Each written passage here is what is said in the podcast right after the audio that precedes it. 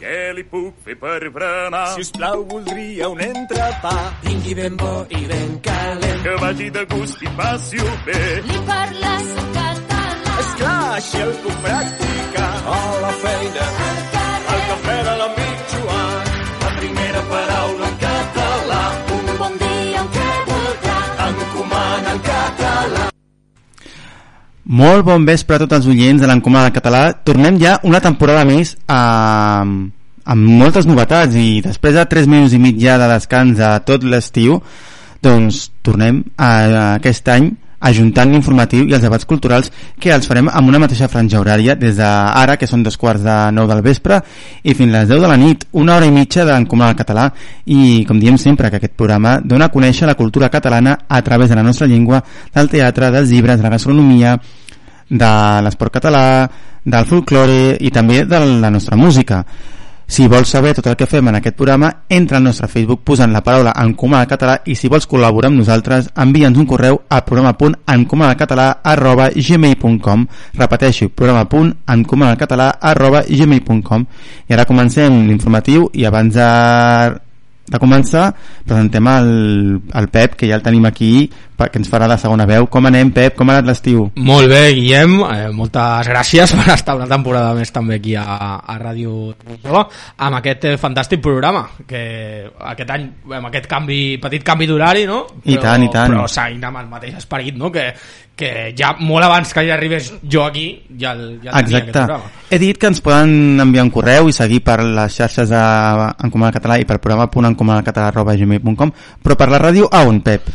Doncs, eh, com sempre, el 91.6 de la FM, el nostre dial històric de Ràdio Trini Jove, ens aprovem ja gairebé els 40 anys eh, d'aquest dial, el, el I tant, i tant. 91.6 de la FM, primer Ràdio Trinitat Vella, ara Ràdio Trini Jove, també evidentment a la nostra pàgina web, www.radiotrinijove.org i eh, també recordar a tothom que ens poden seguir a les xarxes socials, al Twitter, arroba Ràdio Trini Jove, al Facebook, a facebook.com barra Ràdio Trini Jove FM i a l'Instagram, arroba Ràdio Trini Jove, eh, també el telèfon per tothom que vulgui posar-se en contacte amb nosaltres, el 933 456454. I abans de començar l'informatiu més cultural, anem a donar una notícia de la casa. Estarem presentant la nostra programació. Exacte, el dijous de la setmana vinent eh, ho vam anunciar ja al juliol abans de les vacances d'estiu hem, heu pogut sentir les promos no? en els diferents espais d'aquesta casa eh, el dijous dia 22 de setembre al nou centre de vida comunitària de la Trinitat Vella un espai que ja té uns mesos no? que, que està en funcionament però que és molt nou, que hi ha molta gent encara que no el coneix, per això precisament anirem a, allà a, a, conèixer aquest, aquest espai, allà ens trobarem tot l'equip de locutors eh, i col·laboradors de Ràdio Trini Jove, també gent de la Fundació, gent d'entitats també que col·labora amb, amb, tant amb la ràdio com amb la Fundació, i allà ens trobarem tots amb, en un acte en el que intentarem explicar una mica la història, a l'esperit, la missió que té aquesta ràdio i en el que donarem eh, temps també perquè tots el, els programes, com en aquest cas l'encomana al català, jo crec que l'encomana al català és dels que necessita menys, eh, dels que té més Sí, sí. recorregut ja Sí. durant anys, però bueno, anirem coneixent tant els, tant. programes que ja tenen tradició, que ja porten molts anys aquí, com els nous que es I a van més hi ha, hi ha programes de tot, d'entreteniment, d'esports, de tot. Ah, exacte, exacte. I a més amb algunes novetats que encara no les tenim 100% tancades, però moltes coses que, que explicarem el, el dijous vinent allà Exacte. i ens fa, ens fa il·lusió també perquè l'any passat encara estàvem una mica condicionats per la pandèmia si te'n recordes Guillem la presentació que vam fer a la biblioteca Sí. de la Trinitat Vella que Sí. també va anar molt bé, els 10 anys de la celebració de la biblioteca però feia molta calor, anàvem tots amb mascareta s'havia de mm, tothom inscriure prèviament, havíem de mm, controlar totes les cadires, les distàncies, tot això, tot això afortunadament mm, ja ho deixem enrere i aquest proper dijous I tant. podrem fer una presentació, tindrem un pica-pica també després, podrem també, que a mi fa això personalment molta il·lusió, que tota la gent de la ràdio, molts, que uns veniu el dilluns, nosaltres veniu el dijous, no, no,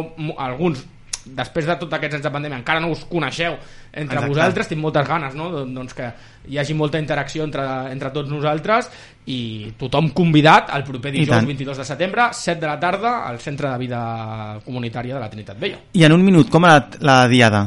Bé, la veritat que molt bé. Eh, una diada que jo, la, la meva diada va ser eh, anar a veure el partit del Sant Andreu. Ah, molt bé, del ah, molt bé. Tona, que a més Sí. era, era curiós perquè era dos equips quadribarrats. Sí. Que, que, dos equips que porten Sí, la samarreta sí. quadribarrada que s'enfrontaven al, el passat diumenge mal, mal, molt mal resultat pel, pel Això Sant sí, Andreu això sí. però, però bé, aquest va ser Això una sí. mica el, el pla de la diada després evidentment un dinar amb la família i bé, una diada almenys en el meu cas menys reivindicativa i menys eh, que altres anys això cadascú que faci el que, Exacte. que cregui, el que cregui pertinent però bé, que, que evidentment doncs, vam, vam gaudir mm, I tant. llàstima Doncs- que va caure un diumenge eh, per això, Sí, sí. jo, això, Això té la raó. Uh, doncs d'això parlarem just després d'acabar l'informatiu, farem un balanç de la diada, com també parlarem de la Setmana del Llibre en català. Tu ets consumidor del, de llibres en català? sí, tota la vida ho he, ho he sigut I vas, a, i has anat un cop a, a la Setmana del Llibre, a la fira aquesta que fan no al moll de tingut- la fusta? no he tingut el plaer I de la nova programació de 8TV, què hem de dir? Ja, home, tinc ganes de sentir tot el que, el que parleu, eh? perquè jo, de veritat, ja ho saps, Guillem, que a mi m'agrada força tot el que és l'anàlisi del, del... Doncs et pots incorporar, si vols. Pots incorporar. I, I a mi, el, el, home, és, és una, molts canvis en la programació de, eh, de 8TV, en els esports, en el programa aquest nou de, de la nit, algunes mm, veus que han desaparegut, el nova, veus noves que arriben, El 8TV és la nova Teleraola? Bueno, ja ho Perquè veurem, surt ja ho veurem. cada nit. Clar, ja ho veurem. Ho veurem, ja ho veurem. Una Pilar Rola que semblava que TV3 ja sense el fax mm, i amb els, aquests canvis que hi han hagut al passar els programes del matí a la tarda, els de la tarda al matí, semblava que Pilar Rahola no anava a tenir en aquesta nova temporada televisiva massa presència, però la tindrà en un altre, en un altre canal. Veurem, veurem el que. Jo sempre sóc partidari de donar un vot de confiança mm, que I comencin ja ho, ho veurem i, i donar un, com a mínim uns, unes setmanes, uns mesos de gràcia per veure què ens aporten i què no. I jo el- i el- personalment a, a 8TV mm, veig molts canvis molt d'allò. El que no acabo jo a vegades de veure és d'on surten, d'on surten els diners per pagar tot això però bé, Exacte. no, no, no, és el debat, no és el debat que hem de tenir aquí I el que no m'esperava, que després ho comentaré també quan fem la tertúlia, és la fàbrica de, de Gabriel Rufián. Sí, un programa, bueno, que de fet això... Ja ho feia per- d'anys pel YouTube, ho feia pel YouTube. Un parell d'anys portava ja pel, pel YouTube, suposo doncs, que li han fet la proposta de portar-ho a la televisió i de fet una cosa que hem fet aquí amb alguns programes aquí a Radio Trin Jove que van començar també eh, a la, a matent Ah, sí, a les xarxes exacte. durant la pandèmia i que després, per exemple, l'Estudio Protegido un, un, que van començar d'aquesta manera i després eh, doncs ens van proposar que s'emeti també la ràdio i una mica com el, Sí. com el, el tema d'aquest de, del Som- Gabriel Rufián Estem a l'alçada del 8TV. sí. Comencem.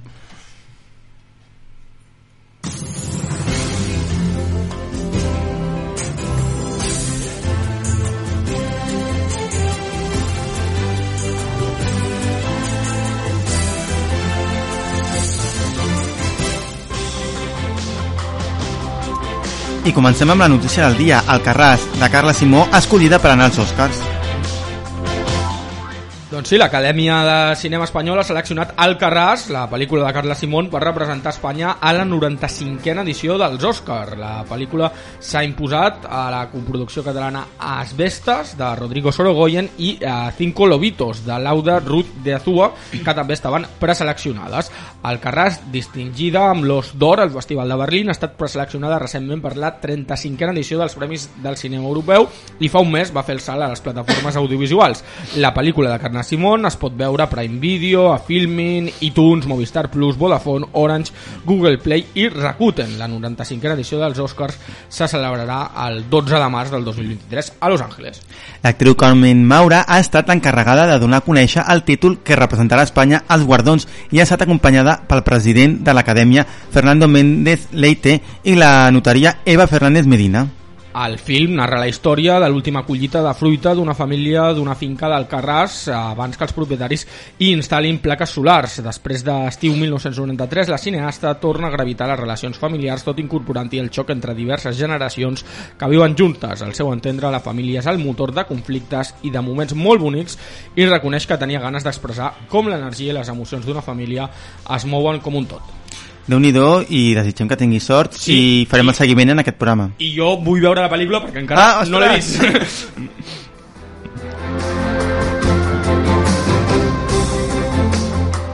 Un milió d'usuaris catalans a LinkedIn el configurarien en català si pogués. una plataforma LinkedIn que per cert és una de les que més utilitzem aquí a la I Fundació. Trini Jove de fet és la xarxa en la que la Fundació Trini Jove té més seguidors i aquesta enquesta encarregada per la plataforma per la llengua l'empresa GESOP també conclou que un 35% dels catalans que no tenen LinkedIn començarien a fer-lo servir si la plataforma incorporés el català.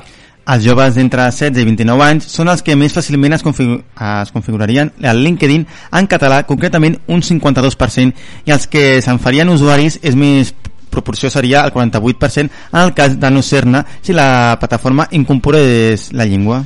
Haig de dir, Guillem, que el LinkedIn eh, té bastants problemes ja amb la traducció de l'anglès al castellà. Sí. No és una xarxa social que es caracteritzi per tenir mm, molts idiomes i per facilitar Exacte. molt l'experiència de l'usuari. Per tant, jo, la veritat, veig bastant improbable que el català mm, pugui estar present Però si pujaria, Ah. potser s'haurien de fer-ho mirar, però sí, tens raó, sí, sí.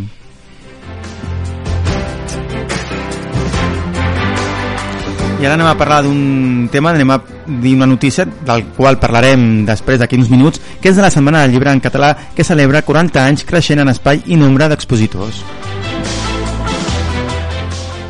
Doncs la Setmana del Llibre en català ha inaugurat una nova edició, la dels 40 anys. Autoritats, el president actual i Antònia Vicenç, Premi d'Honor de les Lletres Catalanes d'enguany, han estat amb els seus parlaments els encarregats de donar-hi el tret de sortida, una efemèride que se celebra amb un creixement especial, 8.000 metres quadrats, gairebé la totalitat del moll de la fusta per acollir més mòduls que mai, 84. Ah, no hi ha hagut mai tants exemplars de llibres en català a l'abast dels visitants. En aquests mòduls hi ha cabuda per a més de 200 segells editorials petits i grans de totes les tendències de tots els països catalans. Explica el president actual Joan Carles Girbé hi ha 200.000 exemplars en català a l'abast dels visitants. No hi ha hagut mai tants en cap altre moment, afegeix. La fita que s'ha marcat editors.cat, l'entitat impulsora, és superar els 50.000 visitants del 2021, el millor any de la història. Hi ha més espais de lectura, quatre escenaris, un més que l'any passat, i fins i tot un nou espai familiar. Eh, volen que la setmana eh, sigui una tradició que passi de generació en generació, segons diu el, el president. La setmana del llibre en català vol convertir-se en una cita clau en el calendari literari al nivell eh, d'una diada de Sant Jordi. Per aconseguir-ho, l'espai expositiu es complementa amb més de 300 activitats entre xerrades, itineraris literaris i concerts. Els més de 200 segells aprofiten la vinentesa per presentar fins a 150 novetats i la setmana és també l'estrena d'editorials i col·leccions. Així, eh, com, a, com a negra, presenta una nova col·lecció de còmic. Es sumen a la dotzena de segells que han anunciat que faran còmic en català. La nostra serà una col·lecció de no ficció periodística, detalla el director de l'editorial Joan Sala en un dels tres estants de llegir en català, l'associació que plega 10 petites editorials, hi ha els dos primers títols del nou segell Ag- Agulla Daurada, una escissió de tigre de paper. S'encarregarà de la narrativa i deixarà per a la casa mare el llibre d'assaig. Volen obrir una porta a la narrativa de conjunt crític, segons diu la seva directora Anna Roca, ambientada en els suburbis de Roma després de la Segona Guerra Mundial, una vida violenta, darrera novel·la de Pier Paolo Pasolini, abans de dedicar-se al cinema, és un dels dos llançaments d'Agulla Daurada. Va començar el divendres passat i fins al diumenge que ven que les pot gaudir i hi haurà, do... hi haurà, hi haurà una novetat més també que hi haurà para, parades de llibres i de marxandatge i de, i de conèixer les entitats d'Òmnium Cultural i Plataforma per la Llengua que seran un parell de dies cadascuna Doncs convidem a tothom no? que, que hi vagi. i tant doncs dit això, ara fem una petita pausa ja començarem a fer ja el debat i les tertúlies moltes gràcies Pep per estar en aquest programa en la part de l'informatiu Moltíssimes gràcies, Guillem. I ja saps que sempre que Exacte. pugui, sempre que ens ho permeti tota l'apretada agenda de la Exacte. ràdio i de la Fundació, estarem aquí. doncs ens a- escoltem la setmana vinent Exacte.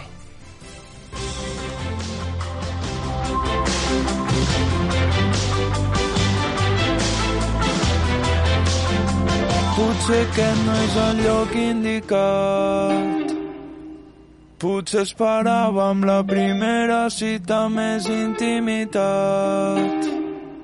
Jo creia que era tard per tornar a estimar, que això d'enamorar-se estava caducat. Sempre vaig amb pressa, res preparat. Culpo dels meus errors, el signe zodiacal.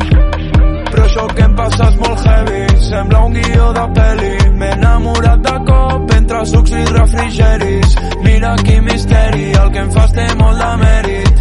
No et coneixia i ara volo com globo d'heli. Però quan soni aquesta cançó, entre els avisos de les promocions, tinc una oferta i no pots dir que no. M'he enamorat al supermercat, puja la calor, la secció del congelat.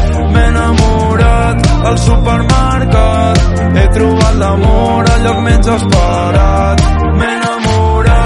Al supermercat i ara per fi tinc la sort de costat. M'he enamorat al supermercat de com has deixat el cor supermercat.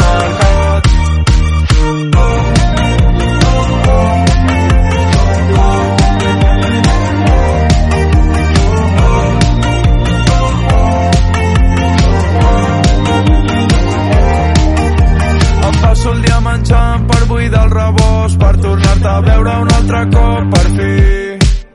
Jo que sempre trigava en anar a comprar, tinc targeta de client habitual, VIP. I estic en oferta, tu hauries de pensar, sóc quilòmetre zero, producte a proximitat. I és que m'he enamorat i encara no sé ni com en un supermercat que no em paga per dir el nom. Però quan soni aquesta cançó, els avisos de les promocions, tinc dos per un i no pots dir que no. M'he enamorat al supermercat, puja la calor, la secció del congelat. M'he enamorat al supermercat, he trobat l'amor al lloc menys esperat. M'he enamorat al supermercat i ara per fi tinc la sort de costat. Al supermercat de com has deixat el cor supermercat.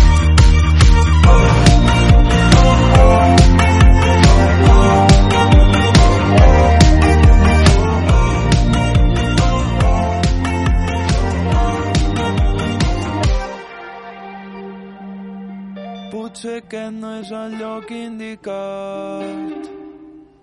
Potser esperàvem la primera cita més intimitat.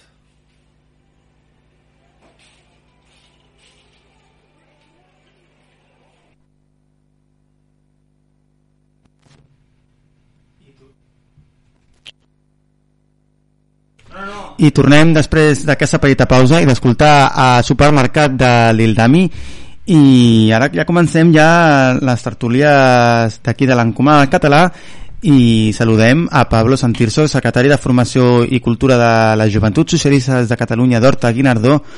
Què tal, com ha l'estiu? Doncs, doncs molt bé, molt bé, la veritat és que va estar relaxat, molt calorós, tot, tot sigui dit, però tranquil, feia falta, feia falta. I tant. I també saludar a Quim Panyar, militant d'Esquerra Republicana d'aquí de Sant Andreu. Com ha anat l'estiu, Quim? Hola, bona tarda, com estem? Molt bé, com ha anat l'estiu?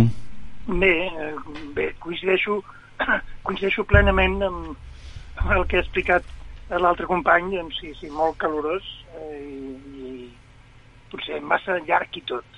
Això sí. El primer tema que volem parlar és...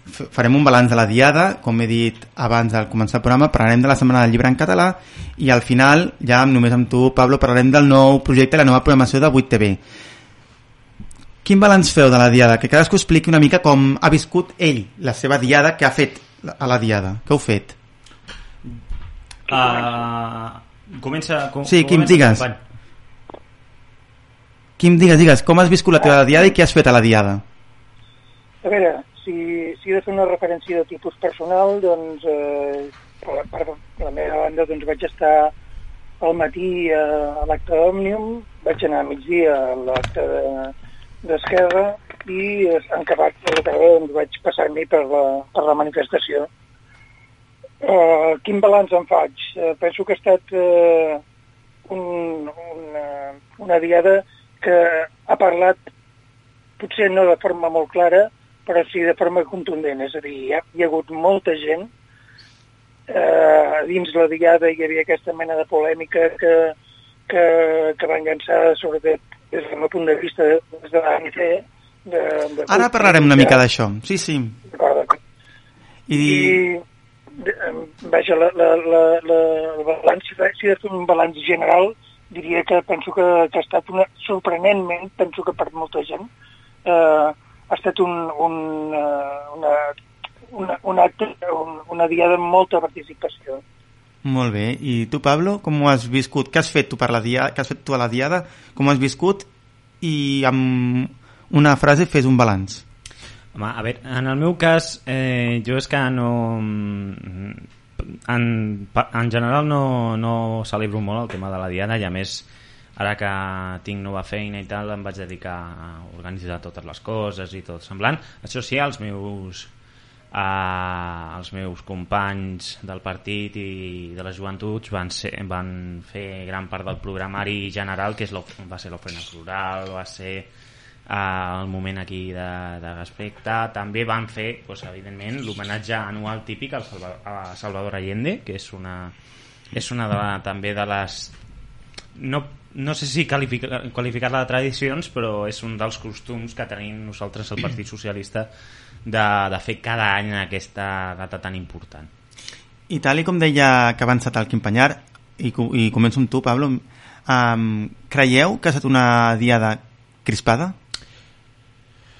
Home, a veure, és el que jo eh, he sentit per eh, casos de, de tema de, sobretot això, mitjans de comunicació i tal, jo per informar-me d'aquestes situacions també m'informo sobretot pel periòdico, que és el meu diari de Quan dic referència. crispada, em, per, perdona que faci un parèntesi, quan dic crispada em vinc a referir a una mica el que deia també el Quimpanyar, no? la polèmica de, del que ha hagut a l'Assemblea Nacional Catalana, que a la manifestació Esquerra s'ha despenjat, la cúpula d'Esquerra, no estem parlant ni de militants ni de votants, estem parlant de la cúpula d'Esquerra, tant la de Nacional com la de Barcelona s'han desmarcat, uh, Òmnium, en canvi, ha plegat a tot l'independentisme més la gent dels comuns i han hagut llocs que segons quins partits hi ha gent que els ha xiulat cosa que altres anys no passava. Mm. per això pregunto si creieu que ha sigut una diada crispada.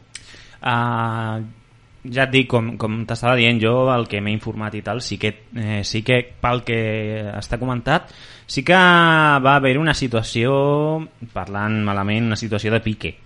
Eh, o sigui, diguem-ne que es van veure bastants roces aquí entre, entre entre Esquerra o, i, i Junts i, i gent també de les diferents afiliacions és, em vaig enterar també de les circumstàncies referents als xiulejos i, i tots aquests comentaris envers el, la, cúpula, eh, la, la cúpula general de- d'Esquerra Republicana.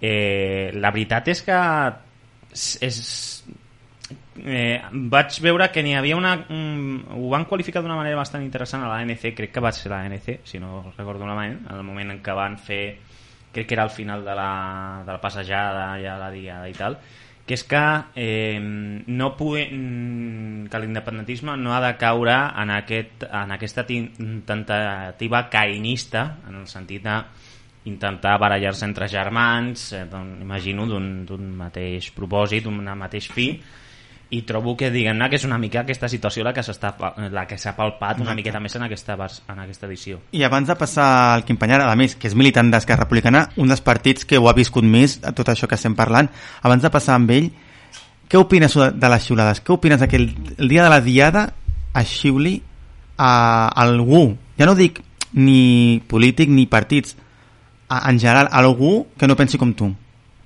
Jo és que ja portem bastants programes junts, Guillem, ja, ja saps com sóc, i jo sóc una persona que precisament eh, sempre vull respectar l'opinió de, eh, de les altres persones i sempre si l'expressen amb la mateixa eh, elegància i amb la mateixa tranquil·litat que ho puc fer jo perquè totes les opinions són vàlides sempre i quan evidentment Però creus que és...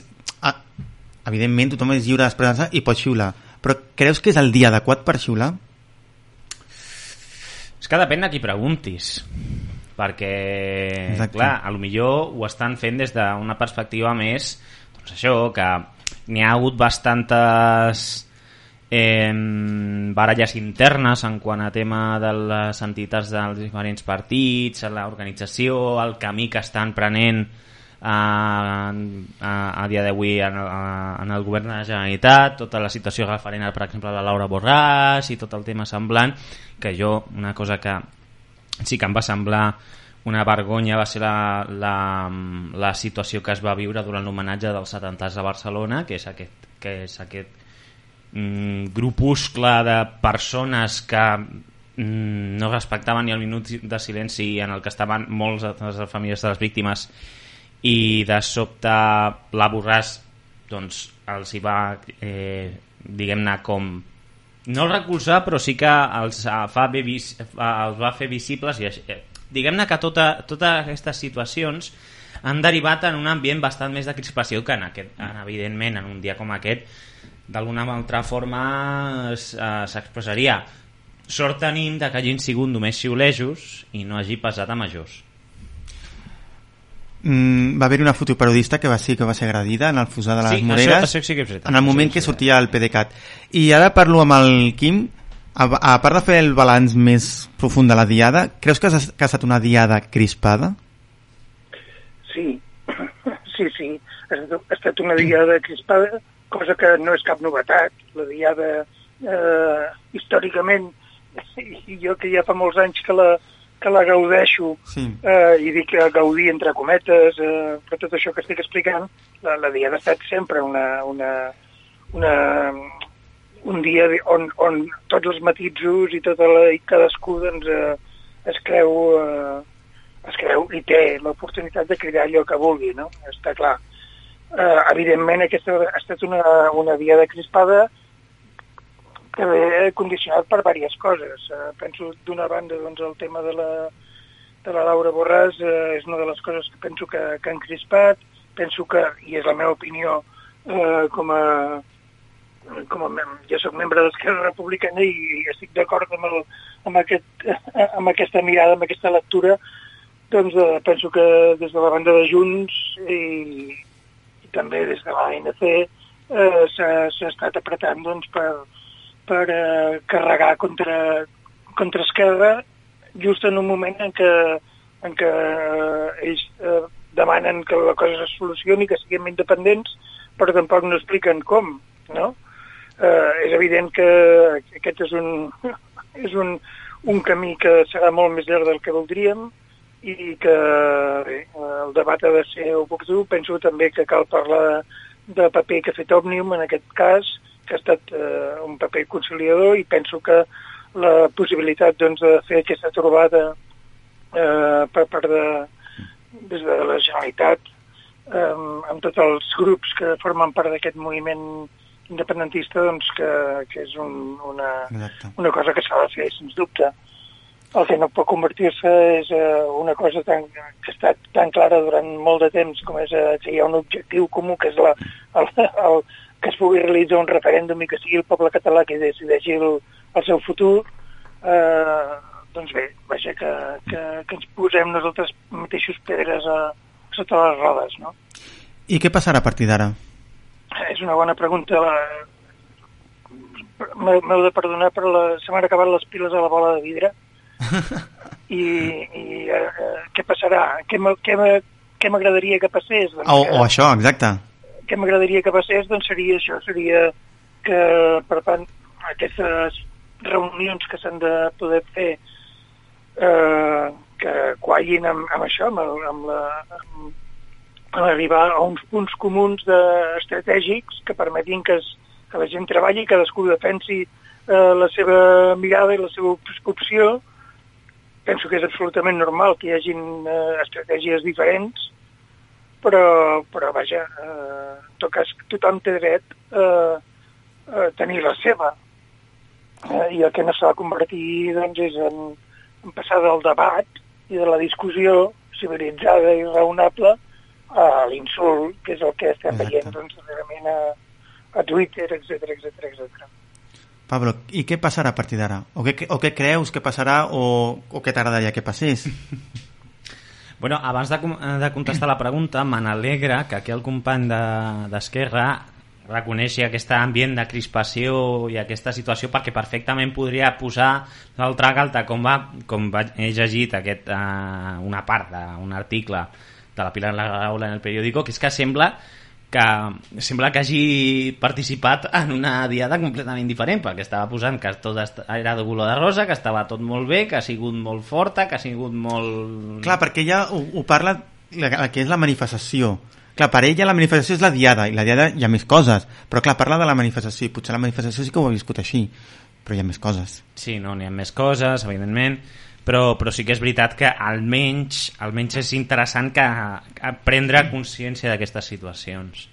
Eh, perquè, clar, tota, per- si, si continues negant la realitat, doncs pots arribar a uns límits... Existeixen els terraplanistes per alguna cosa, ¿sabes? O sigui, I a partir d'ara què? a partir d'ara què? És una bona pregunta. De fet, eh, l'altre dia vaig, com- eh, vaig comprovar, de fet, en els últims censos, que de fet la- l'alternativa eh, del no a la independència ha pujat uns 16 punts en comparativa després amb, un, amb el no, amb el sí, perdó, de, de, de la independència, que ara s'ha quedat a, ha, ha baixat uns 11 punts de diferència segons el CIS i la veritat és que és una situació que evidentment per part, de la, per part de, del nostre partit eh, bàsicament el, el que està demostrant és que a llarg termini eh, a lo millor la, la, les coses eh, eh, si seguim amb aquest escenari de trifulca i de baralla constant ens hauríem de replantejar si realment encara val la pena per a aquestes, eh, aquests partits aquestes alternatives o aquesta, aquesta, aquesta idea tan aquesta, aquest món ideal que està plantejat per l'independentisme i eh, preocupar-nos més pels problemes reals que tenim a dia d'avui en molts aspectes de, de la societat tant nacional com de la comunitat autònoma que són Perdona, bastants perdona, perdona, problemes reals eh, que, que, que, que, parles de Renfe, per exemple? Bueno, de, de, de És un problema real. diferents qüestions sí, que és No, veritat és, sí, sí, és sí. o no és real? Un, uh, és que, uh, bé, una, una de les coses que... Perdona, eh? Però, però em fa molta gràcia que l'argument és que, bueno, l'argument de tots els partits espanyolistes és eh, que, que ens hem de poder preocupar dels problemes reals de la gent, però els problemes reals, nosaltres també ens preocupem dels problemes reals i tenim una mirada que fa referència als problemes reals de la gent. I que passa? Perquè eh, la solució en part dependrà de la possibilitat de tenir un estat i disposar de tots els, tots els, els, els diners eh, eh, que, que recapten a Catalunya doncs, que es puguin se pugui disposar a Catalunya i que, que puguem tenir eh, doncs una, un, un, govern propi. Sí, el, el problema d'aquesta situació és que eh, tots aquests problemes estan succeint ara i, tu, i el problema que hi ha moltes, molts partits anclats amb aquesta idea de, de l'independentisme és que estan parlant d'una situació de futur. Quan hi ha coses actualment que ens trobem que, que són preocupants, n'hi ha una situació d'inflació bastant preocupant, molts dels aliments bàsics estan encarint els seus preus, eh, n'hi ha, eh, ens, estem ara en una situació de guerra a, de, de guerra a Europa, a la, els recursos energètics estan pujant, n'hi ha un munt de coses que estan repercutint actualment a la societat, eh, tant nacional com de d'aquí de, Catalunya, eh, i són els que ens hem de preocupar ara per intentar enllestir. I no es pot fer eh, constantment dient no, quan estiguem eh, en la independència ja, ja ho arreglarem, no, es pot fer de mentre No, no. això abans Jo crec que, que des de, des de l'independentisme no es diu que quan, quan siguem independents ja ho arreglarem. Eh, la, la, des del govern i des d'Esquerra Republicana el que s'intenta és abordar el, els, el, els problemes. Sí, el, el, el problema es troba, perdona que, que t'interrompi, és que actualment el govern de la Generalitat de Catalunya, molts, moltes persones podem coincidir, o, o és el, eh, el que trobo que s'està s'està veient molt, molt seguit, que és un govern bastant penalitzat que no eh, fa mesures eh, gairebé mm, el que siguin molt visibles eh, a dia d'avui i, i diguem-ne que és una diguem-ne que no és molt proactiu en moltes de les qüestions, per exemple, relacionades amb el tema de l'educació, no amb el és tema de la no és salut. proactiu? Per quin motiu? Per quin motiu? Perquè no es reben cap mena de notícies, ja sigui de col·laboració amb el govern central en les noves iniciatives que es van aprovar per part de, de, del govern nacional, també eh, per, No? per la... Per la Em sembla que no. Bueno, eh, en el sentit de... mm, diguem-ne, eh, recolzar-les. No, no en el sentit de, vale, obeeixo perquè és el, eh, el, que, el que he de fer, no, sinó aportar-li, diguem-ne, riquesa d'argumentació. O també... Riquesa Eh, de... Mm, i, ta, i, i, o, o també iniciatives pròpies en els diferents camps. Jo és que no, no trobo molta... Escolta, des del punt de vista... Tu, tu mira la... Eh, eh, mira eh, el periòdico, que crec que també en parla, eh, de, de les iniciatives que hi ha a nivell industrial, de les iniciatives... Eh, s'estan fent coses, s'estan fent moltes coses. Hi, hi ha una mirada eh, diferent eh, pel que fa al, al tema tant amb l'educació com, com amb, amb, amb, un, amb una pila de sectors. Eh, el que em fa gràcia és, és això, és, és, és dir, bueno, clar, és que el, el govern català no pot, no, clar, que no pot fer coses, eh, si, si, amb, amb el, hi, ha, hi ha coses que no, que, que, que no es poden fer perquè no se'ns deixa fer. Eh? El Tribunal Constitucional què està fent? Carregar-se carregar eh, eh, propostes que, que, que venien, que sortien del Parlament, aprovades pel Parlament. Mm, Eh, és evident que, que volem la independència per això. Eh, no, no, no és un, una qüestió de, de tenir una bandereta eh, determinada que ens faci més, més il·lusió que una altra. Eh, és, és una qüestió de, de realitat, de, de, de poder donar suport a la gent que ho necessita. Eh, aquest és el, el motiu que hi ha a darrere. I segurament, eh, des del punt de vista de mesures, eh, eh, podríem coincidir en moltes, però el, el problema està precisament amb, amb això, de- des d'on s'implanten, des d'on eh, es poden implantar. I un dels problemes que tenim mm, és, és aquest, que, que no se'ns permet eh, al govern de, de Catalunya doncs, eh, poder governar. Respons ràpid i passem a una altra qüestió.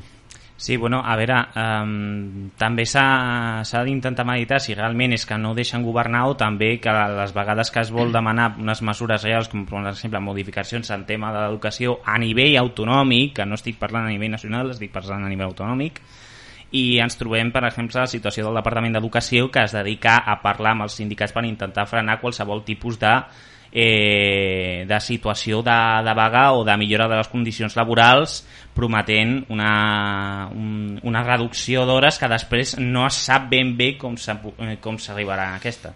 Doncs ara tor uh, tornem una mica ja més al tema de la diada i què us sembla, ja que el Quim Panyart ha mencionat Òmnium, què us sembla la proposta, o almenys la possible proposta que ha, ha fet Òmnium, de fet, la proposta com a proposta encara no la sabem, però sí que sabem com ho farà, que almenys mm, vol parlar amb els quatre, les quatre joventuts de partits independentistes, més a les joventuts comunistes de Catalunya, les joventuts dels comuns i les joventuts dels sindicats. Va, o sigui, va més enllà només dels partits, dels tres partits clàssics i parla amb les seves joventuts i les joventuts dels sindicats. També vol parlar amb els sindicats. Què us sembla aquesta proposta?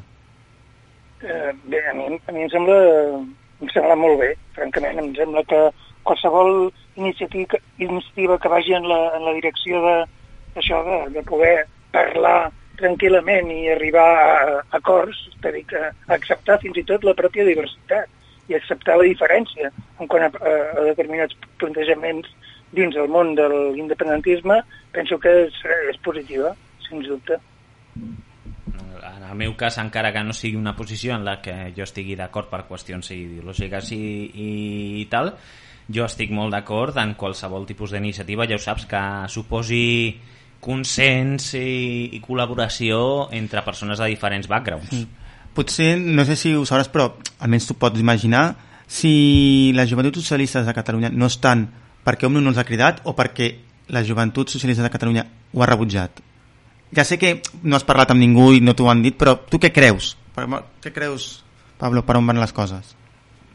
Doncs que directament és que no ens, no ens, di, no ens diuen res per, per pura obvietat. És Però en canvi les joventuts comunistes de Catalunya, que es troba dins d'Esquerra Unida Alternativa i de Sobiranistes, tot aquest món, i les joventuts, comuni... ah, i les joventuts dels comuns sí que, els, sí que estan.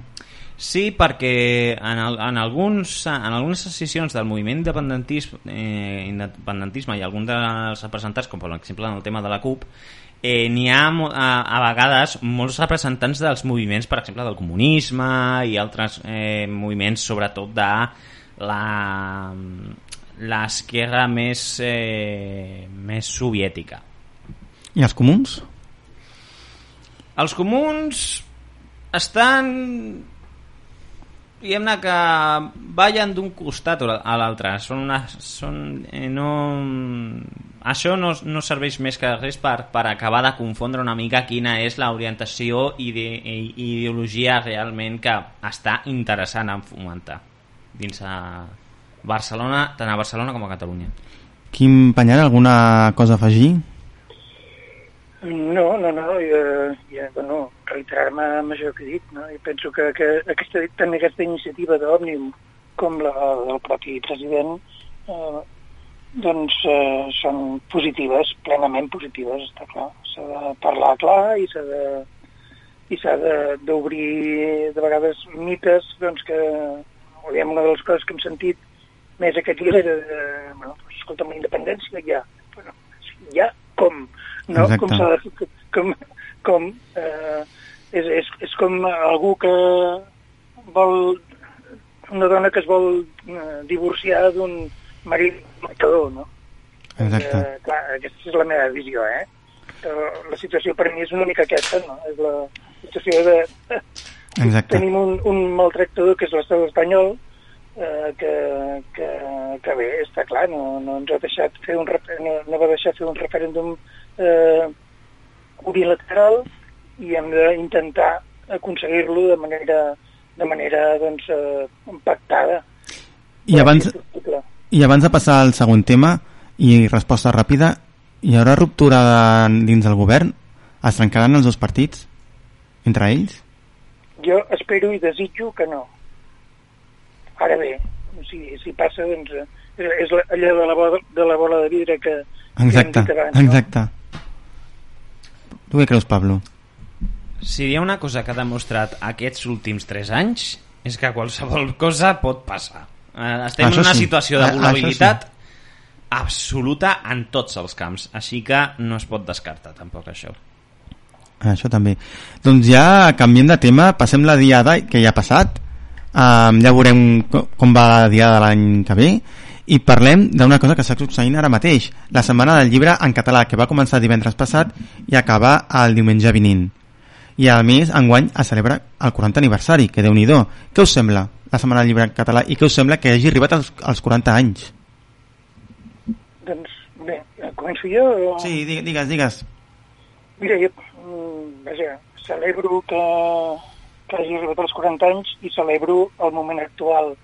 Eh? Eh, celebro des del punt de vista que, mira, precisament aquest...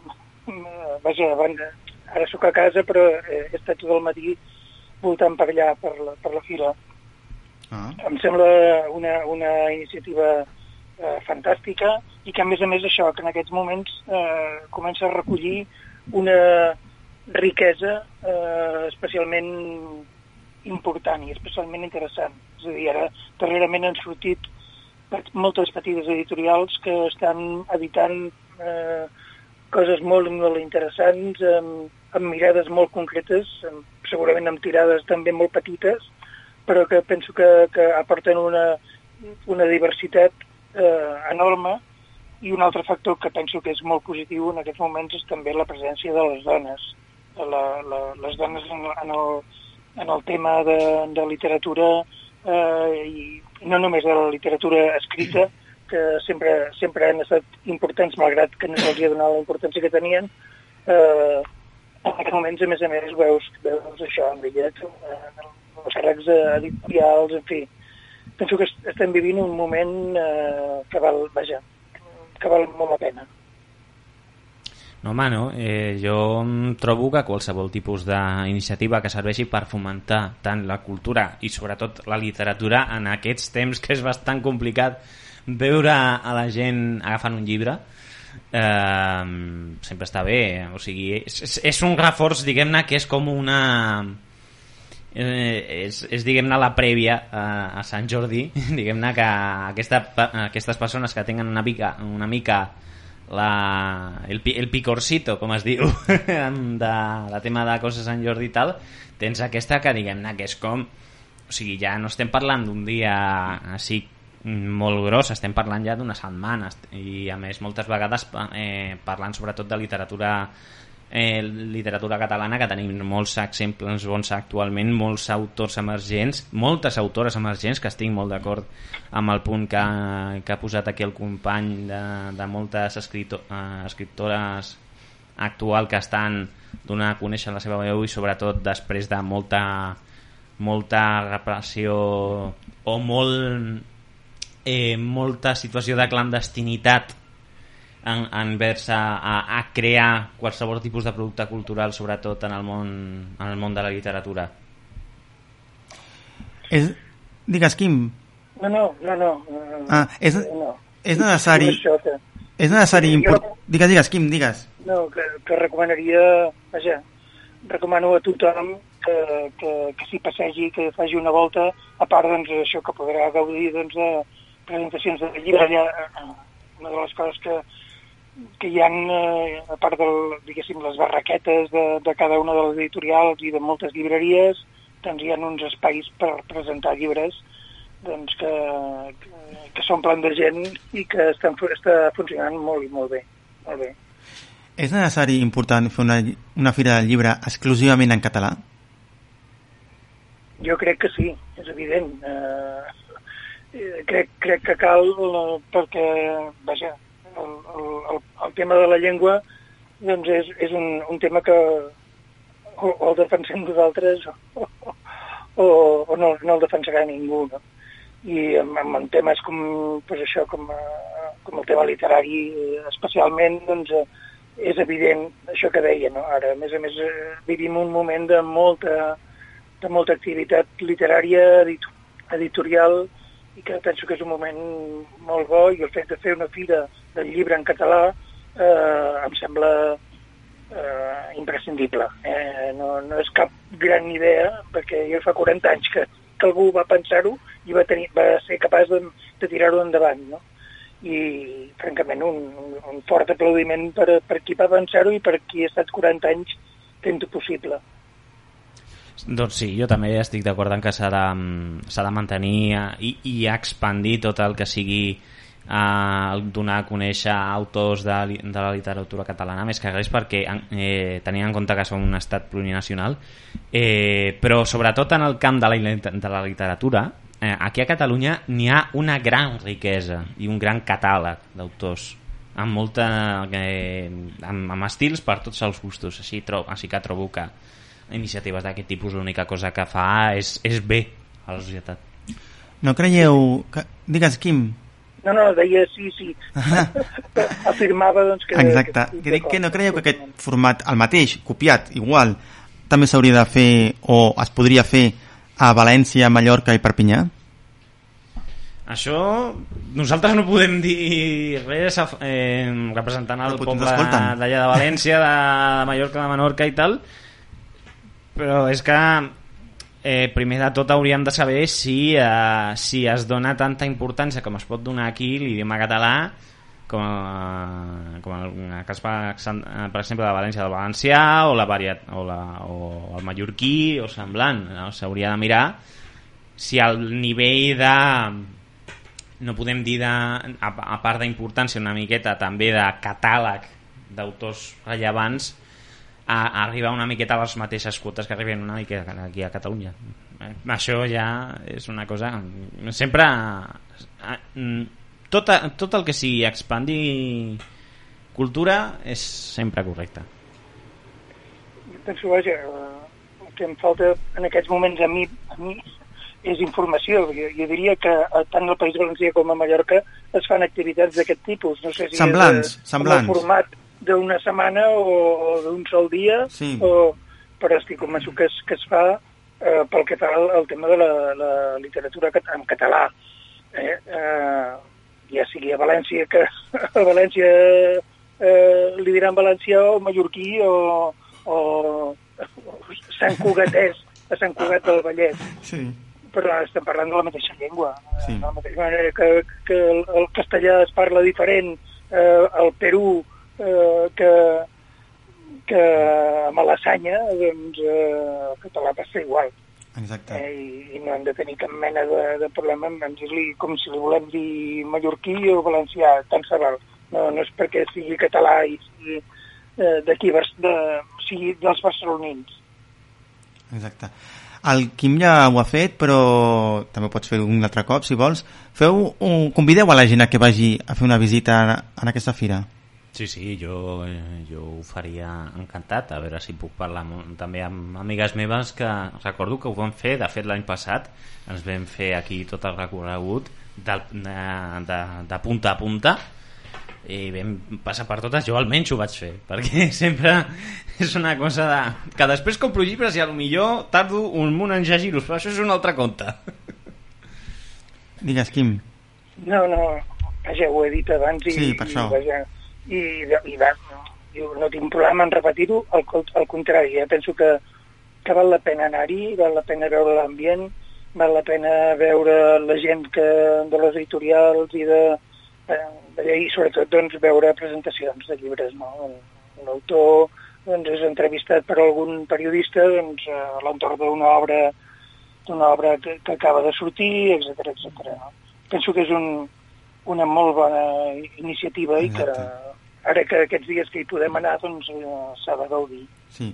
Doncs recordem que fins diumenge a les 9 de la nit està obert i tothom que vulgui gaudir dels llibres i de, sobretot els llibres en català i de la seva literatura allà poden estar cada dia fins diumenge.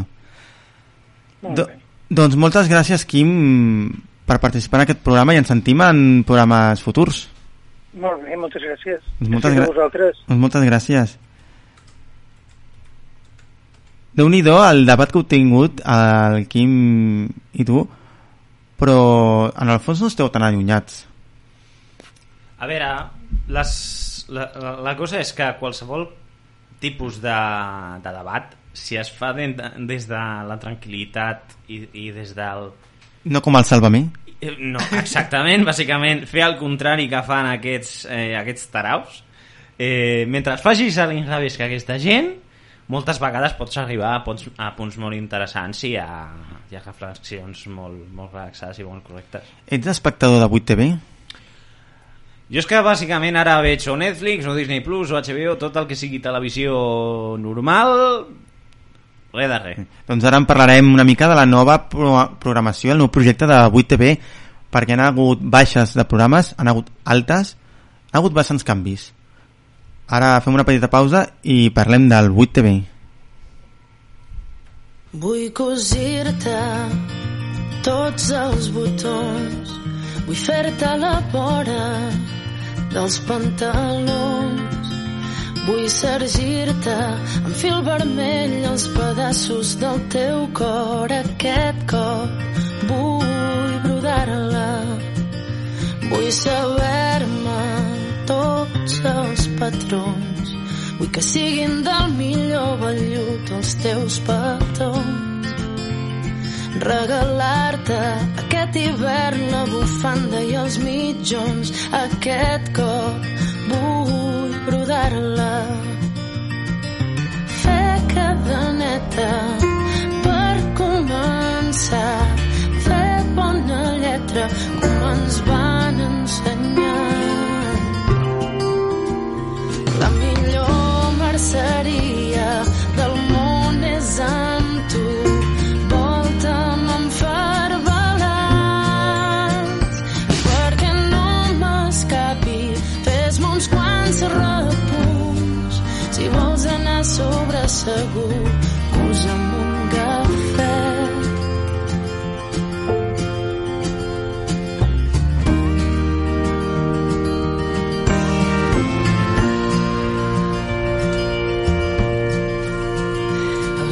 butxaca i el canaler d'aquella jaqueta que et queda tan bé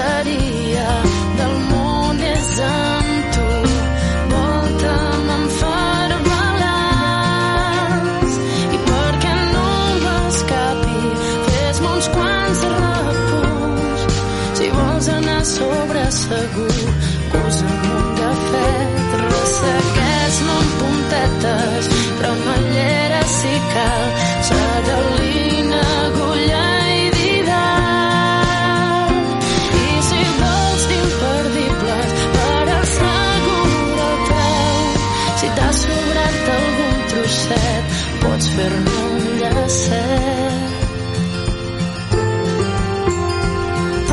fil pels descosits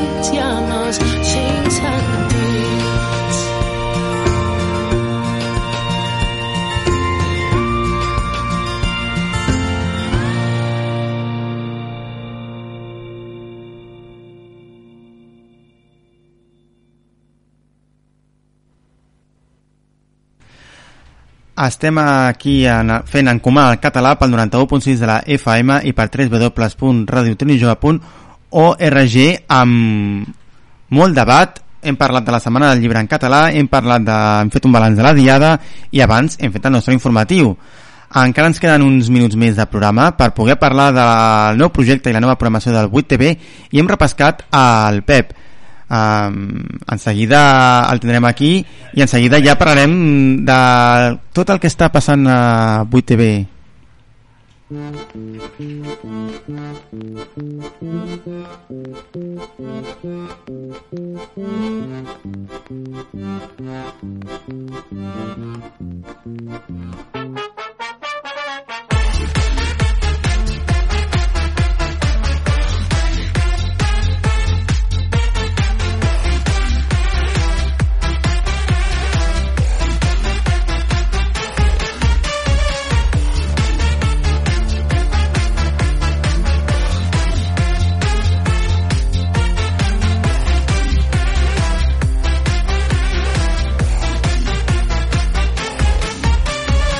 Dins el país una illa, dins eixa illa al final, una urbanització cara, un paradís amagat.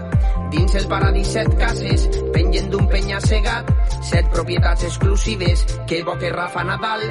Dins el baló quatre cotxes, tres motos bicis i un quad, un casupet pel servici, que viu allà netejant. Dins el jardí una piscina, una piscina gegant, d'aigua salada i jacuzzi, però ningú ha notat que un tobogán, li falta un tobogán, que vaya i li pose que està passant mal.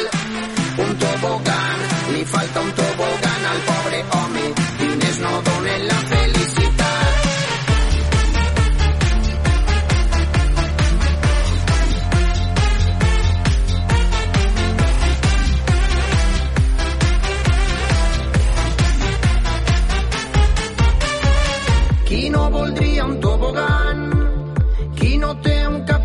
capritxet a sa casa? Als pobres tot vos sembla mal.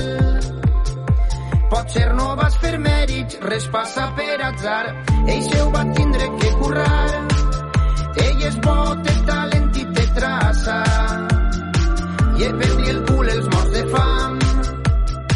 Que Déu salve a la reina, sigam-li tots lleals. Un tobogán, li falta un tobogán, que vaya algú i li pose que està passant mal. Un tobogán, li falta un tobogán al pobre home, diners no donen la felicitat.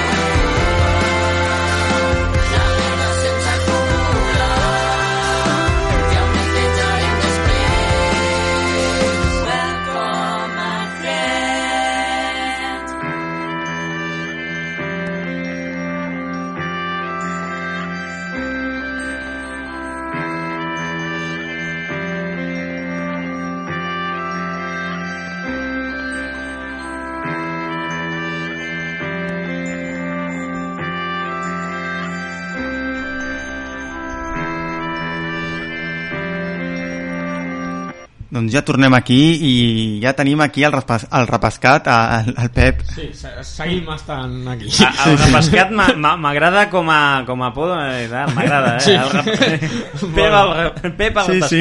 Doncs ara volem parlar del nou projecte, la nova programació de 8TV, programes existents com el Opinacat, el Sexual Revolutions i programes nou com Sanabre Contraataca, programa informatiu i d'anàlisi d'esports a cada dia a dos quarts de nou, el Pentàgon, programa de tertúlia sobre l'actualitat amb Vicent Sanchís de dilluns a dijous a una hora més tard, a dos quarts de deu, i el circ de dilluns a dijous a les 11, 11 i 5 de la nit. I després ja el programa estrella dels caps de setmana el fax de 8TV amb Eduard Pujol. Eh, entre dos quarts i tres quarts de 10 començarà i que és un programa d'actualitat política i els diumenges a les 9.30 a dos quarts de 10 la fàbrica de Gabriel Rufián. Què us sembla la nova programació? Doncs la veritat és que bastant variada. Jo quan he escoltat, per exemple, a- això de Sexual Revolution, no sé per què tenia la imatge de 8TV com, un, com una cadena de televisió una miqueta de carques, una miqueta així... Sí. No, doncs és un programa que ja es feia. Sobretot de, de, de dreta rotllo convergent Sí. i tal, i de sobte et treus això, que Sí. m'imagino que és un programa que té que veure amb, amb qüestions de diversitat sexual Exacte. i coses A més, semblants. Sexual Revolution ha canviat el nom i ara és Ares Revolution, que és com es diu la presentadora, Això- Ares Teixidor. Això jo no ho sabia. La veritat, Ara jo, és pensava que, jo em pensava que el programa aquest l'havien mm, l'havien eliminat. El que han fet és reduir-lo, perquè abans el feien, durava una hora a, entre setmana i al final de la temporada ja van fer Clar. dues hores al cap de setmana. Clar, Jo- és jo- un programa que va començar sent cada dia De dilluns a divendres. En, en I- aquest cas estic no? en, desem, eh, en desavantatge perquè no tinc ni idea de què, eh, de què tracta. Així que si em pots fer així 4 cèntims, doncs una miqueta ho Ah, és que em agrairia. sembla que jo i l'Ian som una mica friquis de, de la televisió. Eh? Bueno, jo tinc... és més Sí. normal. No, no, no, Sembla jo que és tinc també els meus... Eh, eh, entre friquins ens podem entendre, no, Sí. no et preocupis. Don, doncs això jo, és un programa bueno, és el que, el que estàvem comentant amb el Guillem el Sexual Revolution era un programa que va començar sent de dilluns a divendres que era un programa que cada dia amb la- eh, Ares Teixidor no? Sí, l'Ares Teixidor, la la, la Ares presentadora Teixidor. Eh, diria que amb dos, tres col·laboradores més que eren cada dia Sí. les mateixes eh, feien com Em una mica que hi ha de una que tertúlia va variant, hi ha una que va variant. Sí, feien una mica de tertúlia, una entrevista sempre amb, el, amb algun personatge de la política, de la cultura i tal, que el treien com una mica de context, li feien preguntes sobre... Subiditas de tono. Sí, una mica així, però jo personalment crec que és un programa que no va acabar de funcionar. Ah, jo, doncs Mm, no sé per què jo pensava que tenia que veure amb qüestions de, di, de divulgació d'educació sexual o coses semblants en comptes de... Sí no, o sigui... una, part, una petita part. A vegades va una sexòloga, això sí, però també en els, en els entrevistadors els hi fan una mica unes preguntes pujades de to.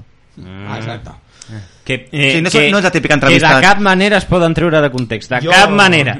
De, tur, o sigui, si ens centrem en l'anàlisi televisiu, jo crec que el programa que el va substituir en aquesta franja horària i que s'ha consolidat, i sembla que aquesta temporada eh, encara més, que és el circ, jo... Amb crítiques, perquè ara el passen a les 11. Sí, bueno, un crític comença una miqueta més tard, que l'any passat començava a les 10 o A les 10, a les 10. i ara a les 11. En aquest cas, per deixar el espai programa- al Vicent Sanchís. Bueno. En, en aquest cas el programa de circ va de circ o és un, altre, o és un eufemisme d'una altra cosa? Bueno, fan una mica, és un Sí. programa en què van comentant diferents temes d'actualitat, A vegades parlen de- distesa, em fan bromes... També parlen de la monarquia, Sí. parlen de coses que ha passat a la televisió, analitzen televisió... Jo... Vale, vale, vale. O sigui, Jo- que, o, sigui, o sigui que pallassos i malabars no, bueno, bueno A- a pallassos vegades al millor. sí, I també tenen una, una entrevista, també tenen una entrevista. I abans, a, a, abans de parlar de la resta de programació, d'on troben els diners al 8TV? És el que jo he dit en la introducció Per això, del per això, per programa, això. Troben els que és diners? el que a mi em sorprèn. A mi, per exemple, el, el Circ de Fran Blanco em sembla que és un programa mm, que és mo molt, Hi ha molts molt tertulians, molts atractiu, col·laboradors. que està fet molt ben fet, amb una despesa de producció, de convidats, de maquillatges, de mm, performance que fan en directe, tot un, una bona inversió en allà, i després mires les dades d'audiència i tot i sent dels programes de 8TV més vistos Entre està 2 i 4% molt, com a molt. El clar, dia que més 4%, però... clar, molt lluny 2%. del que és les grans cadenes de televisió mm, Però, però 8, Ah. 8TV és privada? Sí. sí, Doncs... Uh, és, la, la, és la pregunta que ens fem d'on surt el, d'on surten els calés. algun, Nicola algun Pedrazzoli, milionari, no sé jo. algun milionari molt avorrit, digo, és que tinc massa diners i no sé què fer. El Nicola Pedrazzoli. Toma. El Nicola Pedrazzoli. El propietari és un, és un italià eh, que bé, sembla que és una mica el perfil que estaves dient, un Mm. italià Bueno, sí, sí, sí, que li no, sobren una mica els diners. Bueno, li, no- eh, és el que passava amb Berlusconi i amb Mediaset, no? Sí. O sigui, una miqueta al mateix pal. Què us semblen les incorporacions de Vicent Sanchís, a Eduard Pujol i Pilar Rahola? Bé, jo, de Vicent Sanchís, jo no sé si algú l'ha vist alguna vegada dirigint, fent ell un programa de televisió, jo personalment no, diria que TV3, tot i ser el director, mai va fer ell. Algun cop entrevistava algun polític, quan era Sí. un especial, però perquè pas, havia o els- passat o alguna els- cosa... O però... els debats electorals també els presentava ell. També. Però ell presentant un programa, No. jo personalment és una caixa per obrir. No, Sí. no, no l'he vist mai fent un programa, no sé el que sortirà. Jo l'únic que sé és que el fa mulleres de sol, de moment. De, jo, Però- jo, de nou, eh, bueno, es vol marcar un Risto Mejide de Hacendado. No, és perquè, Sí. perquè té un problema a la vista i quan el metge li digui... Ah, se la, vale, se la- doncs perdó, Segons perdó. ell el van operar de la Vale, vista vale, aquest doncs perdó, perdó, no volia ofendre. que, no que ja va rebre bronca de la Pilar Rahola perquè ahir li, li va dir on vas tan de negre? Les ulleres negres, doncs, posa't americanes com el... Com el... Com el, el, Com surt el nom? el Sala Martí. El Sala Martí. Sí, sí. Bueno, a veure, és que ja, ja et dic, és que jo estic en una mica en situació de desconeixement, com a molt, dels tres noms que m'has dit, m'ha vingut, eh, conec a la Pilar Rahola i quan, i quan l'has dit m'ha recordat aquí una fredor que aquí pel, pel és que la Pilar. Rahola surt al programa de Sanchís i al programa d'Eduard Pujol. O sigui, a, de dilluns a dijous, el Sanchís, i els dissabtes de la nit. Per això, abans he fet la broma amb ell, que li he dit 8TV és Telerahola? Sí, sí. Eh, Ja ho, he, ho va haver una època que el Pilar Rahola ja sortia pràcticament cada dia amb, el, amb Josep Cuní. Amb el Josep Cuní, sí. Ja va, va, tenia molta presència i ara sembla que torna, no? Va, va, va passar a TV3...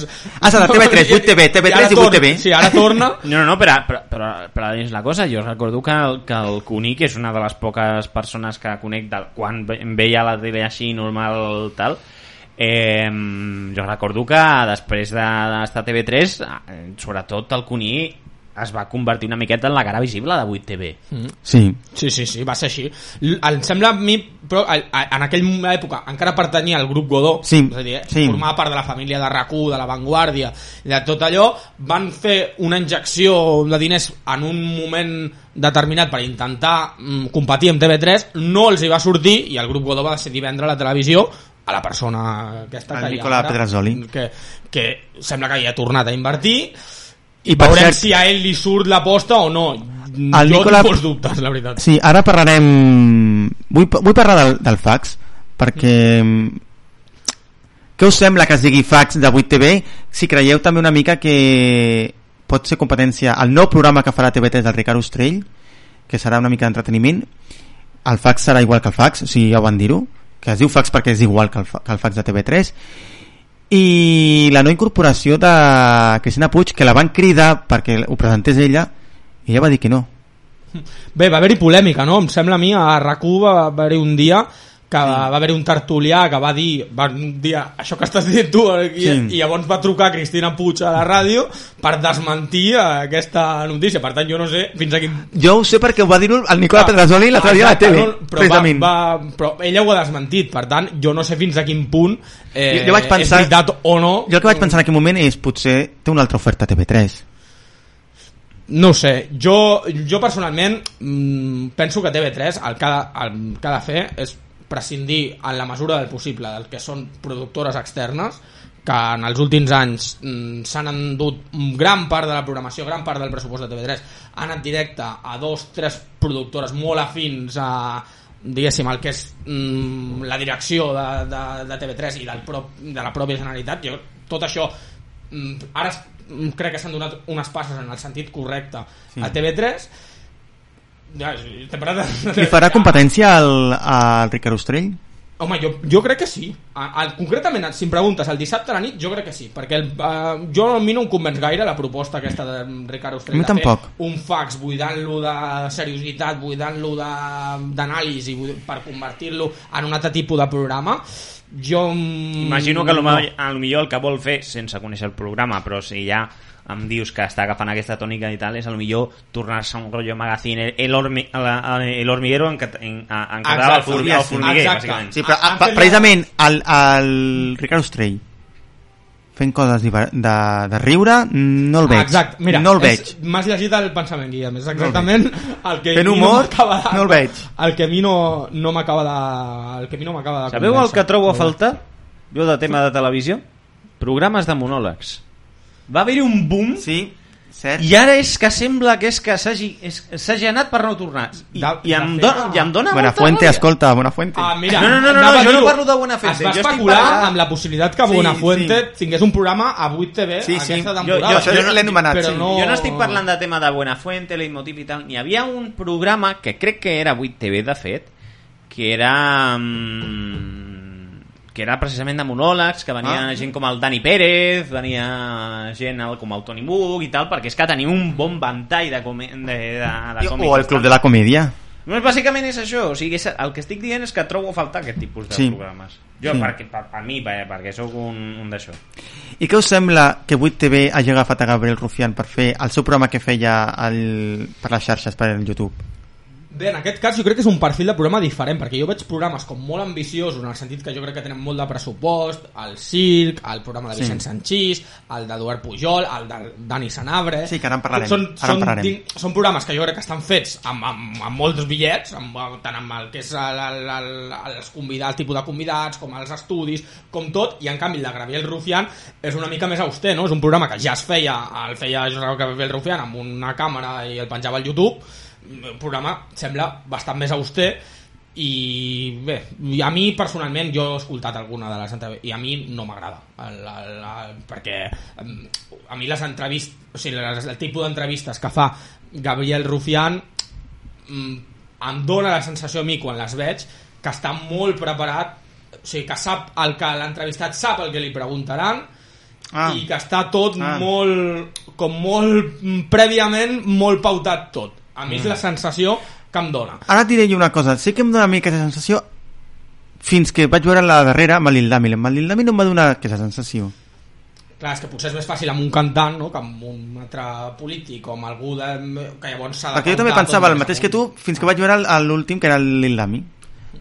Digues. Bueno, a veure, imagino que eh, ho, ho fan una mica, imagino per netejar aquesta imatge que jo us he comentat abans, que és la que em donava a mi amb la, amb la reputació que tenia prèviament 8TV, que és, és una qüestió d'una associació més convergent, més, més liberal, De dretes, sí, sí. més, més dretes pura, que agafin una figura com el Rufián, que és un personatge que jo, jo precisament no sóc molt fan, eh, d'entrada que em vingui una persona que tingui de compte un Rufián ja em fa posar les alarmes eh, Sí, però- i, i tenint en compte la posició que té doncs... Però jo, ara, mira, pen penseu, Vicent Sanchís, Eduard Pujol, Pilar Rahola, Gabriel Rufián... Mm, a lo millor ha hagut un canvi de directiva sigui, vull dir, el 8TV ha agafat un, una, una mica d'ideologia. Sí, però també segueix el, el Catalunya Opina clàssic de les tardes Sí, això amb sí. un capellà de presentador com Sí. el Carlos Fuentes i amb, Sí. una, amb una quantitat de tertulians més pròxims Que al pot que és... anar des de Junts fins a Valents, però precisament. sempre, un, sempre amb el Catalunya Opina jo penso una mica més escurat cap al que és mm, els partits més conservadors que, o sigui, jo crec que hi ha més presència dels partits conservadors a Catalunya Opina de Carlos Sí. Fuentes que no pas la que hi ha en el Parlament o la que hi ha reflectida a, la societat en general potser una mica ara busquen l'altra part Rufián per intentar Per compensar. anar a anivellar una mica tot Per compensar, podria ser. no, jo, amb tots aquests noms, tampoc acabo de veure una línia ideològica molt clara, perquè jo crec que a la línia política de Gabriel Rufián és diferent, molt diferent a la de Pilar Rahola, Sí. Eduard Pujol, dins el que eren les corrents de Junts per Catalunya, també tenia una corrent més diferent al que era l'aparell més de Puigdemont, Sí. i que és el que està més pròxim Rahola. Mm, jo no no sé, tampoc acabo de veure una línia molt molt clara perquè són com diferents línies apuntant en diferents direccions no Ja. acaba d'anar tot molt cap al O Vicent Sanchís també té una... Clar, Sí. Vicent Sanchís també va ser molt, molt crític en l'última... Bueno, més, més aviat al revés. És a dir, la gent de Junts per Catalunya va ser molt crítica amb l'última etapa de Vicent Sanchís a TV3. És Sí. a dir, mm, que jo tampoc crec que sigui mm, tot mm, en la mateixa línia. Està doncs, mm, Sí. Més, més mm, com una miqueta més de diversitat si és que es pot dir així després Sí. ja veurem tot això quin resultat mm, té Jo, jo, dic, eh, jo crec que el que, el que ha fet el, el canvi que s'ha fet en el tema aquí amb el nou programa de 8 TV jo trobo que a part de que n'hi ha hagut un canvi de directiva evident però és que evident perquè que, que, que hagin ha fet aquestes incorporacions que no s'havien pensat mai en la història d'aquesta cadena encara que jo la coneixia poc jo moltes vegades els programes que veia, eh, els programes que veien els, els col·laboradors que n'hi havia eren moltes vegades gent de 50 anys cap amunt Sí, sí. El, a veure, en el Catalunya Opina segueix sent Sí, bastant, sí. eh? Sí, no han canviat gaire. Tu que, te, tu que parles cada dia amb ell, digue-li a, al teu polític Miquel Iceta que faci un programa al 8TV. Jo crec que Bueno, faltaria, eh? bueno, bueno, bueno, ara dintre d'una estona vaig a veure el, el Collboni, millor li, Ah, doncs, li dic digue-li que li digui al Miquel Iceta a que faci a un- veure, a veure, a veure. No, eh, però a part d'això jo trobo que el que està intentant agafar juntament amb aquest canvi de directiva imagino que el que vol fer és agafar fixeu-vos que ha agafat a, a la colla de personatges més mediàtics de la història de, eh, de la comunicació catalana actual Sí, Mm, o sigui, no, no, no mediàtics en plan no, no només mediàtics sinó moltes vegades eh, fins i tot una, una miqueta incendiaris fins i tot i que, Mm, amb, Gent polèmica, o sigui. no, no polèmica, bueno, sí, polèmica, però a més que les seves opinions pam, retumben. O sigui, allà on, la, Sí. eh, on, on sigui aquesta persona i parli i puja el pa. I- I, Sí. és així. I recordem que Edu- Eduard Pujol va estar dos o tres anys a Junts per Catalunya, però ell ja venia de ser director del RAC1, o sigui, ja és la seva feina, això. I de fet havia, a part, en alguna tertúlia del propi 8TV amb el Cuni ja, havia, ja Sí, sortia. ja sortia, El- el- el fent de col·laborador el- alguna el- el- vegada. el- sí, sí. Parlem del programa Contraataca, de, que és un programa informatiu i d'anàlisi d'esports. Bé, aquí mm, penso que sí que ens surten guanyant. Eh? Aquí. Primera, per mi, l'horari és bo. Sí, és el, bueno, l'horari en aquest cas és el mateix que el programa que hi havia del, Era el mateix? del Berlesen. Diria que el del Berlesen començava a tres quarts, el de Senabre ara comença a, a dos, A dos quarts, sí.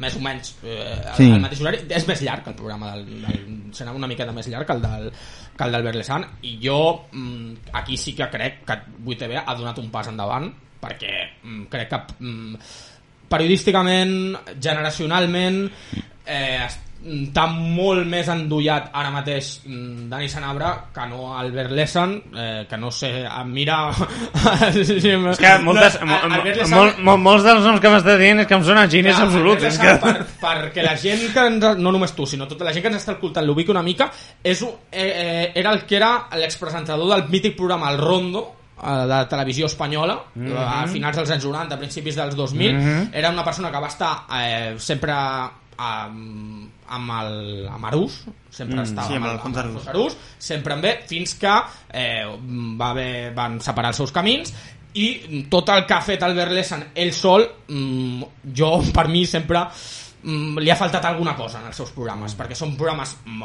amb molt, amb molt de fanat ell és molt del Barça és molt fanat i, i va molt, tot molt per mi un estil massa fanàtic Sí, se li nota, sí. Sigui, a veure, massa fanàtic però, però estem el- parlant d'un periodista de, de tema de- d'esports sí, i un tal. periodista esportiu Ostres, doncs ja m'acabes de perdre, perquè és que No. entre que no veig la tele i que no m'agrada els esports Clar, el futbol i tal, ja és normal, que ja... normal. També t'haig de Una dir, altra galàxia. També t'haig de dir, però, que Albert Lessan en, a TVCAT havia fet algun programa que no era d'esports. Sí. Havia fet el, el, un programa de zapping, no? que el feien a les 3 Ai, de la tarda. sí, tens raó. Sí. No ho recordava. Eh, a més amb un company, no, es diu Manel Ferrer, que, que havia, havia estat a, a, a, havien fet programes que no eren d'esports també. També he fet una mica de tot, Mhm. Albert Lessan, però jo crec que en el que és concretament el que feia fins ara 8TV, el que era fer programa d'esports i de, el que deia el Guillem, d'informació esportiva i anàlisi de l'actualitat esportiva, crec que Senabre té un, un punt més de, no sé com dir-ho, de connexió amb les que són les generacions més joves, mm, Senabre que és molt actiu també al Twitch, i el, Albert Lessan i alguns dels seus col·laboradors jo crec que aquest punt de fanatisme exagerat Sí. Que ells deien que era com per compensar tot el que Sí. és eh, Pedrerol, tot el que és el xiringuito, tot això, a vegades se'ls anava una mica de mare. Sí, sí, perquè I- tots tenim ulls a la cara i quan un veu una cosa que és allò, no pots Exacte. negar a la televisió negar el que tothom ha vist. Jo, jo, Eh, jo és que trobo, trobo... No sé si coneixeu potser el canal de YouTube Remember. És, és, bàsicament és un youtuber que el que fa és explica lore, ¿vale? explica lore de, de presentadors aquí de, de la història mediàtica espanyola i tal, eh, o per exemple la història del Grand Prix, la història Ostres, de, també sí. de... Grandíssim programa. De, eh, jo, jo, yo, yo vull que torni, yo vull que torni. Ibai, si està escuchando esto, convéncelo ya, Ramon García, por favor. Eh, però també, doncs, això, el Cárdenas, que, mira, tenen sort que tenen el, el, el, el Fran Blanco i no tenen el, el Cárdenas, perquè si no és que... És que no I per anar acabant ja el programa, que ja se'ns se Bueno, bàsicament el el que volia dir és que Sí, digues, digues. que necessito un remember, però de, de presentadors d'aquí de Catalunya, perquè és Sí, que no exacte. tinc ni idea. Exacte, doncs, doncs se'ns menja el temps. Què creieu que falta en aquesta programació? Mm, Més, sac, més secció juvenil. Potser sí, amb això, est- amb això estic d'acord.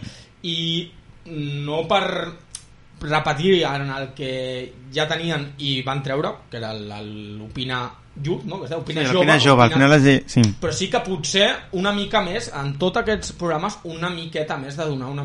Bé, o sigui, es van passar del tot, que era l'Opina Jove, que només sortien en principi joves, tot i que alguns tenien una edat que ja deixaven de ser joves. Era- era de Van 15 a passar del tot 35 res, anys. perquè els joves van passar de tenir un programa de més d'una hora al dia Sí. i a no tenir res, perquè ara mm, no hi ha a cap dels programes, ni el Catalunya Opina de Carlos Fuentes, ni el de Vicent Sanchís, pel que de moment s'ha vist a les xarxes, i el primer programa no té pinta que vagin a convidar mm, gent jove, i potser és una mica el que li faltaria, buscar un tipus de... mm, de sobretot en els temes d'actualitat i de política, buscar algun perfil de- d'analitzar l'actualitat amb una miqueta Sí. mm, menys de... Jo el que trobo a faltar, jo el que trobaria a faltar és, perquè trobo massa programes d'entrevistes, el que trobaria a faltar és una sèrie. Alguna sèrie. Mhm. Clar, però sèries també... De dir, bueno, aquest- el canal sembla que té un pressupost molt alt per tota gent que fitxa, però clar, s'ha de dir que les sèries que avui en dia tenen èxit són molt, molt cares, eh? No, TV3, però pot ser amb- Ja pràcticament no Sí, compra sèries de, Però- mm, estrangeres.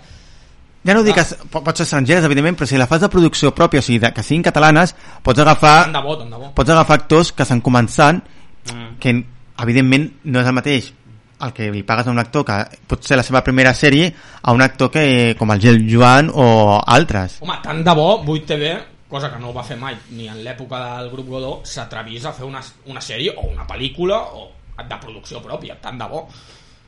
sí. Pablo, mmm, tu que has estat tot el programa conclusió, què diries d'aquest programa?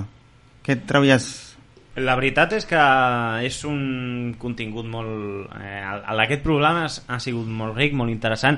Vull que participi més vegades aquí el Pep, perquè Jo és que... si és anàlisi televisiu... No, no, no, i sí, tema, sí. tema audiovisual i, i tal, jo estaria encantat. Sí, dia que d'això ja- Jo, jo, jo tinc moltes Aviam. ganes de, de, del contingut que, que ve d'aquí durant aquesta temporada. A veure què ens surt.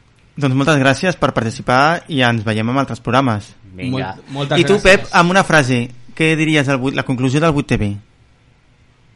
que veurem el que passa que jo, eh, ho hem dit a la introducció ja donem-lis unes setmanes, uns mesos aviam si totes aquestes noves propostes funcionen, si tenen l'èxit si aconsegueixen també ser rendibles econòmicament, que jo crec que és el que estan buscant els que han invertit en tot això veurem què passa Doncs moltes gràcies, Pep, per haver tornat en el programa després de fa quasi bé una hora que has estat. jo encantat i tant de bo la gent de, de la ràdio i de la fundació ens hi permeti estar molta, molta més estona I en tant. aquesta temporada Doncs nosaltres marxem, mm, tornem el dimarts vinent a dos quarts de nou i això, que comença ja, ha començat ja la nova temporada i tindrem programes i programes per fer i molts de temes. Que vagi bé la setmana. Adéu-siau. Què i per frenar. Si us plau, voldria un entrepà. Tingui ben bo i ben calent. Que vagi de gust i passi-ho bé. Li parles en català. Esclar, així el puc practicar. A la feina. Al cafè de la Joan. La primera paraula en català. Un bon dia en català.